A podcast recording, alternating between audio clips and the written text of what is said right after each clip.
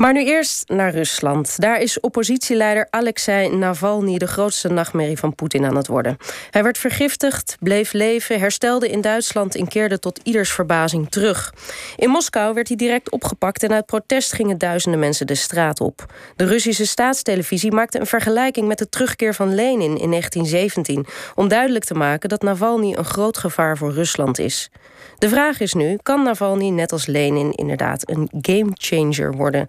Zoals dat dan heet. Waar staat hij voor en waarom is hij zo succesvol? Bij ons is Ruslandkenner Hubert Smeets. Welkom. Dank u.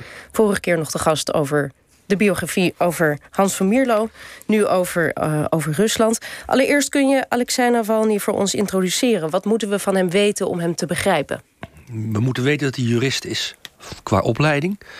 Dat hij. Uh een nationalist is. Je zou hem een nationaal-democraat kunnen noemen. Um, en een man die zijn sporen niet verdiend heeft... maar wel gepoogd heeft te verdienen... in de liberale beweging in, in Rusland. Hij was een tijdje uh, lid van de partij Jabloko... Uh, geleid wordt door, er werd, moet ik zeggen... door de democratische politicus Grigori Javlinsky. Maar daar is hij uitgeknald uit die partij... wegens zijn, uh, ja, je zou kunnen zeggen, xenofobe standpunten. Maar dat is alweer een jaartje of tien ruim geleden. Ja, uh, hij, hij is, pardon, en hij is sindsdien vooral bekend geworden... door zijn uh, werk en leiderschap in het Fonds voor de Bestrijding van Corruptie. Dus zijn politieke positie is de afgelopen tien jaar verschoven van die, je kunnen zeggen, rechtsliberale, xenofoob-liberale positie die hij eind, uh, begin deze eeuw had, naar de, die van de, de man die de corruptie aan het licht brengt... in de hoogste echelons van de politieke macht in Rusland... tot aan het Kremlin toe.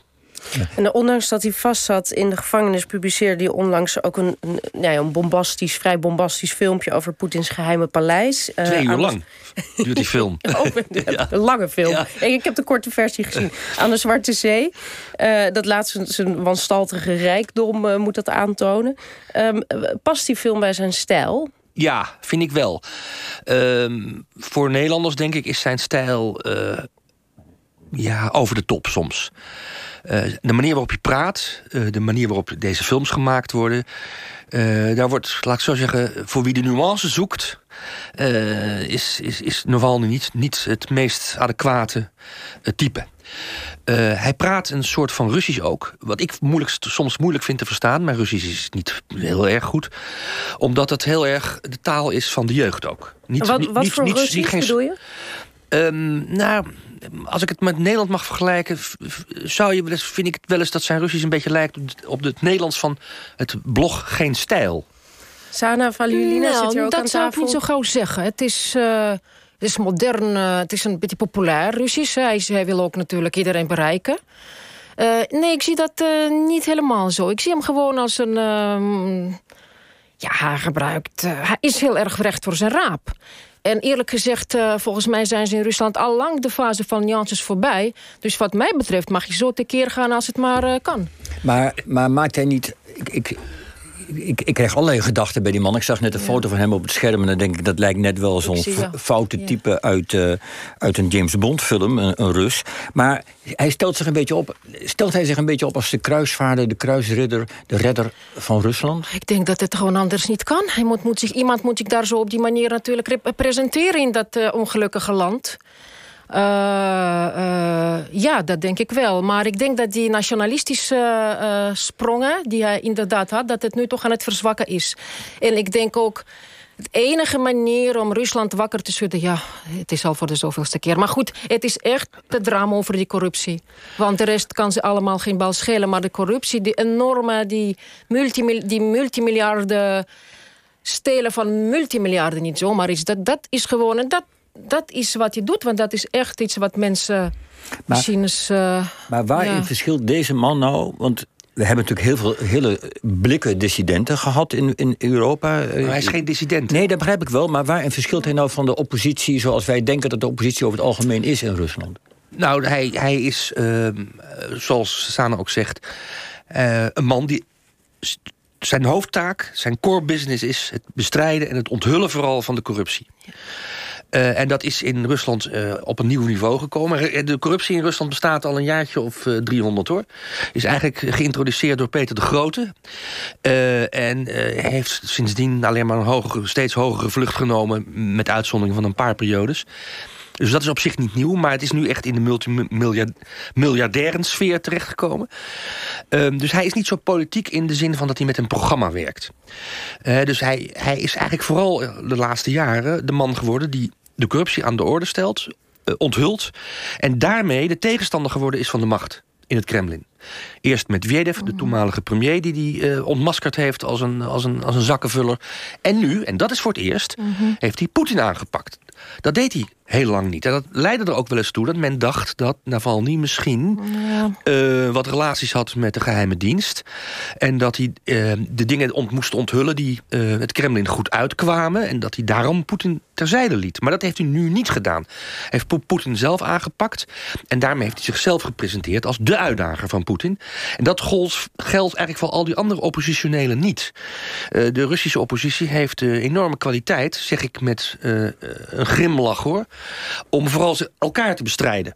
Uh, en, niet, en, niet de macht, en niet de centrale macht in ja, het Kremlin. Ja, dat is waar. Hubert, ik kan hem een klein beetje vergelijken met Gadarkovsky. Michail Gadarkovsky. Dat Leg even uit wie dat is. Uh, Gadarkovsky was dus een, een, een, een soort zelfmeet oligarch, zoals velen dat waren. En het was, uh, hij is enorm rijk geworden met wat weer olie of een of andere grondstof. En op een gegeven moment, uh, uh, ja, dat is bijna ongelooflijk. Maar Gadarkovsky kreeg gewetensvroegingen dat het land zo, zo miserabel was. Terwijl het aantal 1%, half procent enorm floreerde. Dus is, Gadarkovsky is echt... Ik, Gadarkovsky is begonnen met de jeugd. En dat is natuurlijk enorm gevaarlijk. Want wie de jeugd heeft, heeft de toekomst.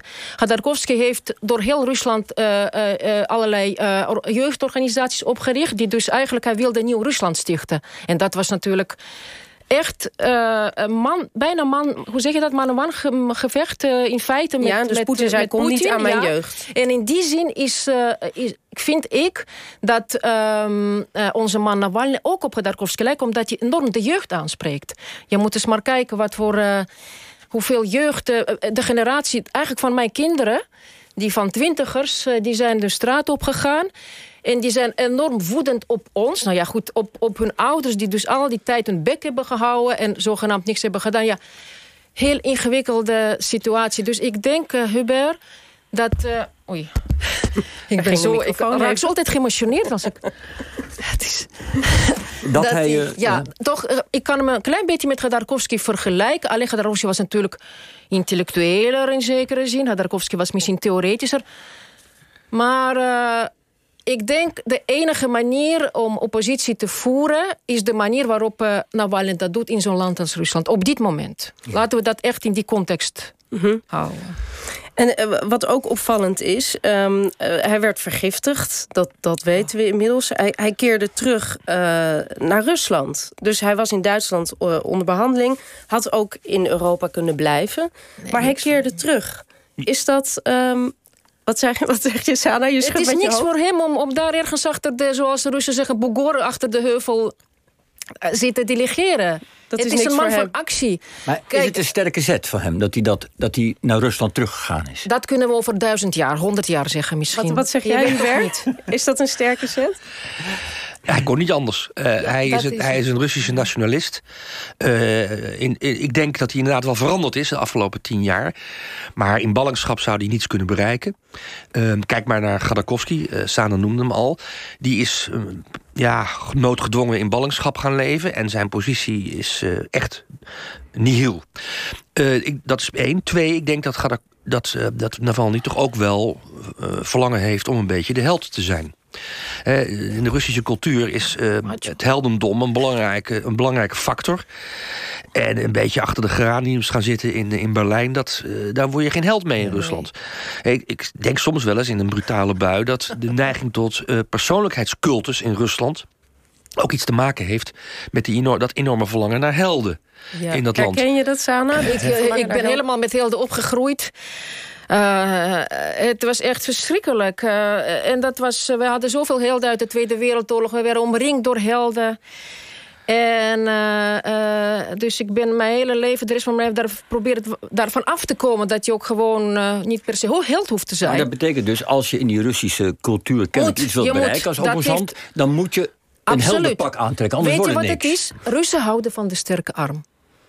Je moet... Dus je moet bevrijd worden door iemand die een sterke arm nou, heeft. Ja, althans, je, ze, ze voelen zich alleen aangesproken door, door echte mannen de sterke mannen met de sterke arm. Nou, dat dus is dat moet in ieder wel. geval. Ja. het is gedetermineerd. Nog, ja, laten we nog even naar, naar, naar, een vergelijking gaan die de Russische staatstelevisie maakt. Namelijk, oh, uh, die uh, hebben de vergelijking gemaakt met een andere balling uit 1917, genaamd Lenin, die terugkwam naar Rusland en de revolutie voltooide daar. Uh, slaat die vergelijking ergens op? Nee, uh, die slaat denk ik nergens op. Uh, hij is wel mooi. Ja, nee, hij is vooral heel functioneel. Sorry, Jos. Uh, jij hebt misschien een wat idealistische opvatting over Vladimir Lenin. maar um, hij is vooral heel functioneel. Wat wij, denk ik, in Nederland vaak over het hoofd zien... is dat Poetin en het Poetin-regime een hele lage dunk heeft van Lenin. Weliswaar staat het standbeeld van Lenin overal op de grote pleinen van alle grote steden. Weliswaar vindt het Kremlin het een schande dat de standbeelden van Lenin zijn verwijderd in Oekraïne. Maar dat is Oekraïne. In Rusland zelf wordt Lenin gezien als de man... die eigenlijk het grote Russische Rijk kapot gemaakt heeft. Poetin heeft dat uitgesproken in een lezing die hij gehouden heeft ter herinnering, herdenking van het 100-jarige bestaan van het begin van de Eerste Wereldoorlog in 2014. Toen heeft hij een toespraak gehouden waarin hij eigenlijk heeft gezegd dat um, de Bolsjewieken, nu komen we bij de vraag... dat de Bolsjewieken een vijfde kolonne waren... Uh, die van buiten uh, het grote Russische Rijk hebben geïnfecteerd... en eigenlijk met een dolkstoot in de rug... Uh, dat imperium kapot hebben gemaakt. Dat was de, in, de, de, inzet van zijn toespraak in 2014 in Moskou. Hij zei, we, toen zei, hij zei letterlijk... Uh, uh, het Russische Rijk was de oorlog, de Eerste Wereldoorlog hebben we het over... aan het winnen. We waren weer in, in, in het offensief tegen, uh, de, de, uh, tegen uh, de centrale mogendheden Duitsland en Oostenrijk. Maar, en nu komt Lenin, toen werden we in de rug aangevallen door een buitenlandse agenten die uh, het mooie land kapot hebben gemaakt. En dat was Lenin, die inderdaad in een geblendeerde trein... door de toenmalige uh, maarschalk, als hij geloof ik, hè, Ludendorff... Uh, van het Duitse Rijk naar Finland werd gebracht... wat toen nog deel was van het Russische Rijk... om de onrust in, in Rusland verder Dus het is een symbolisch heel belangrijke vergelijking dus. Het is Want je zegt, hier komt de vijfde kolonne weer komt, binnen. Hier komt het buitenland aan. Hier komen de, de buitenlandse agenten onze grootheid kapot maken zonder dat wij het doorhebben. Dat is, dat is eigenlijk de metafoor die hij gebruikt door Lenin uh, uh, en de trein van Lenin. Ook een Duitse trein. Hè. Nu was het een Duits vliegtuig. Het was, hè, dat was niet helemaal waar trouwens. Want uh, Navalny vloog terug naar Berlijn met een budgetliner Pabjeda. Overwinning geheten. Was ook geen toeval trouwens. Um, dat Navalny die dat vliegtuig nam. Maar het beeld is Lenin werd met de Duitse trein door Ludendorff naar Finland gebracht. Mm -hmm. En Navalny uh, is in handen van de Duitse inlichtingendienst... en daarmee ook van de NAVO-inlichtingendiensten in een meervoud. En dat is, uh, dat is eigenlijk, je zou kunnen zeggen, het, het, het hondenfluitje... waarmee uh, de staatstelevisie liet, liet weten... Navalny is een buitenlandse agent. Navalny wordt gestuurd door de Bundesnachrichtendienst en de CIA. Dus ze maken hem wel ook groot daardoor, door die vergelijking. Want eerder, Poetin die weigert ja. zijn naam uit te spreken. Is, die heeft ook wel nu stel je een vraag die ik echt niet kan beantwoorden... want ik begrijp ik namelijk ook niet. Ze hadden hem natuurlijk helemaal niet hoeven arresteren. Ze hadden hem naar huis kunnen laten gaan. Ze hadden hem zijn kinderen in bed kunnen laten stoppen... en vervolgens de volgende dag kunnen oproepen voor verhoor. Hebben ze allemaal niet gedaan. Ze maken hem groot. Um, nou ja, eerder, omdat hij eerder ook wel de, de, de niet-zeggende blogger is genoemd. Of, uh, ja, beetje... nog, Poetin noemt, noemt hem nog steeds niet bij naam. Poetin had het op zijn persconferentie in, in december in zijn jaarlijkse massapersconferentie... had het over de patiënt in Berlijn. Maar, maar kan het werken? Want daar ben ik wel benieuwd naar. Dan kijk ik even naar Sana. Dat als je iemand vergelijkt met Lenin... He, die, die heeft het oude Rusland naar de donder geholpen... en maar tegelijkertijd is het vader des vaderlands des nieuwe... van de, van de Sovjet-Unie. Dus het is, als iemand met Lenin vergeleken wordt... betekent dat dat er iemand is die succes kan hebben? Kan het werken in Rusland? Dat mensen denken, oh god, daar komt een nieuwe Lenin. Weg met die man? Voor mij is dit nu, ten eerste is het, uh, ik kan niet alles volgen. Dit nieuws is mij ontgaan dat hij vergeleken is met Lenin. En voor mij is het een hele grote cultuurschok. Want ik ben natuurlijk van de generatie die gewoon met Lenin bijna is opgevoed. opgevoed. We hebben gezongen Lenin leefde, Lenin leeft, Lenin zijn altijd... Dat was gewoon een, een grote eh, opa Lenin. Dat was gewoon onze grootvader bij wijze van spreken. Dus voor mij is dit een hele grote cultuurschok. Maar ik snap het wel natuurlijk, want Lenin betekent automatisch revolutie. Dat is die associatieve reeks die absoluut vermeden moet worden. Want Poetin is als de, de dood voor de revolutie. Revolutie betekent Maidan, revolutie betekent uh, onlusten in, in Wit-Rusland. En misschien betekent het wel zijn, zijn einde.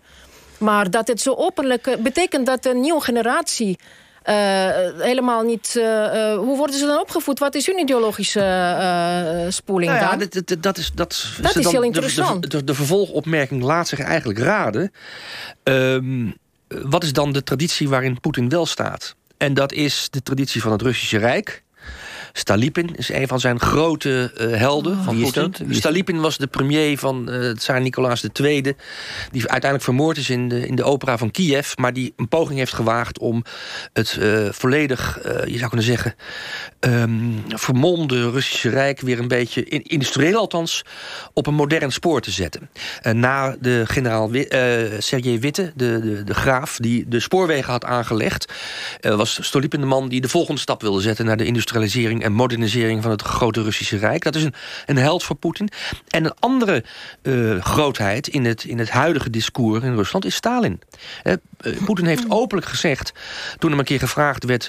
Uh, aan wie hij de voorkeur zou geven, aan vadertje Lenin, de aartsvader van, uh, van de Sovjet-Unie... die overal uh, uh, op elk plein staat, zoals gezegd. Of Stalin heeft Poetin gezegd dat als, nou, als hij alles moet afwegen... Hè, Stalin heeft ook zo zijn, zijn handicaps...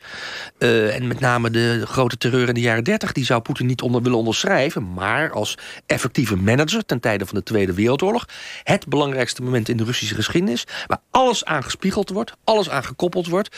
dan ging zijn voorkeur toch uit naar Stalin. En dat is eigenlijk het boodschap die die, uh, die, die, uh, die geeft. Uh, ordening en macht. En dat die ordening en macht... die wordt gepersonifieerd door Jozef Stalin. Veel meer dan door Lenin. Ja. Sana, hoe gaat het aflopen? Dat is een oh. onmogelijke vraag natuurlijk. Maar maakt nou van niet een kans? Maakt dit een kans? Want je hebt het over de jeugd die wakker wordt. Maakt dit een kans? En toen was het heel lang stil. Nee, het, ik ben bang dat het stil blijft. Het is heel jammer voor het prachtige programma.